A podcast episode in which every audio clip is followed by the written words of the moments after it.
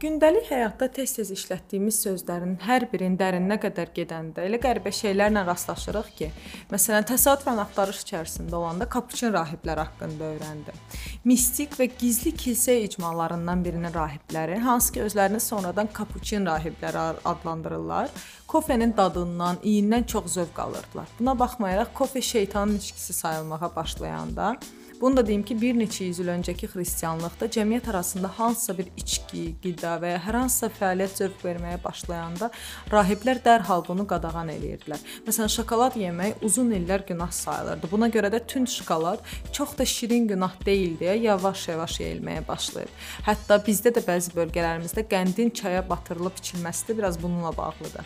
Niyə məhz zövq? Çünki rahiblər düşünürlər ki, zövq insanı bu dünyaya daha çox bağlayır. Şokoladı acılaşdırmaq kimi rahiblər də kofedən əl çəkməmək üçün onu süd ilə qarışdırmaq fikrinə gəlirlər. Südü köpük halına salmaq üçün yaxşıca qarışdırdıqlarından içkinin rəngi xeyli açıq olurdu və bu onun neqativ obrazını neytrallaşdırırdı. Əslində hamımız gündəlik həyatımızda nə qədər qadağanı hansısa formada kamuflyaj eləyərək özümüzü aldadırıq. Hər nəysə, mövzumuz bu deyil.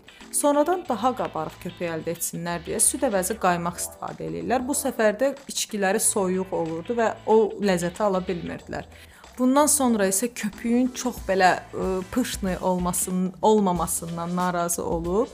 Çünki əllə o qədər çırpıb qarışdırmaq çox çətin gəlirdi. Giuseppe adlı bir həvəskar mühəndis Cappuccinator adlı cihaz hazırlayır.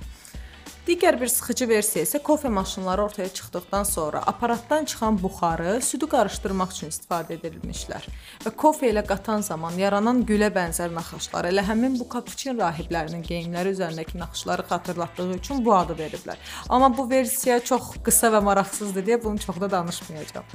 Bayaqdan danışdıqlarımın hamısı italyanların bizə danışdıqları. Amma bu bir tərəfdən də avstriyalılar kapuçinonun onlara aid olduğunu iddia eləyirlər və ortalığı qarışdırırlar. Bir də bu italyanlar saat 11-dən sonra kapuçino içənlərə necə deyirlər pis baxırlar. Hətta o qədər ki, restorana girən bir insanın səhər 11-dən sonra kapuçino sifariş verməsi ilə onun italyan olmadığını qərar verirlər. Və yəni elə bir ki, bizdə səhər yeməyinə piti sifariş verirsən. Matteo de Bascio və dostları Benediktin rahiblərinə öz təşəkkürlərini bildirmək üçün onların geyindiyi o mistik kapüşonlu əbanı geyinməyə başlayırlar.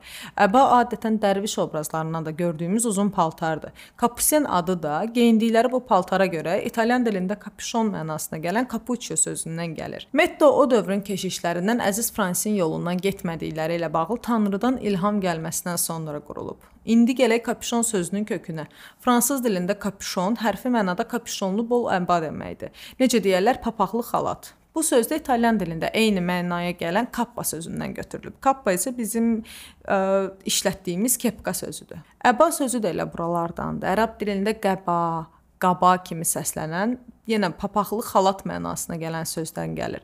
Matteo əbadan, kapuçinlar Matteodan görüb götürüb bilmirik bunu. Heç yəqin ki, bilə də bilməyəcəyik. Özdə kapuçon həmişə Matteonun qurduğu kimi subkulturanı təmsil edir. Biz bunu yaxın keçmişdə Azərbaycan musiqisinin subkulturasında da rastlaşmışıq.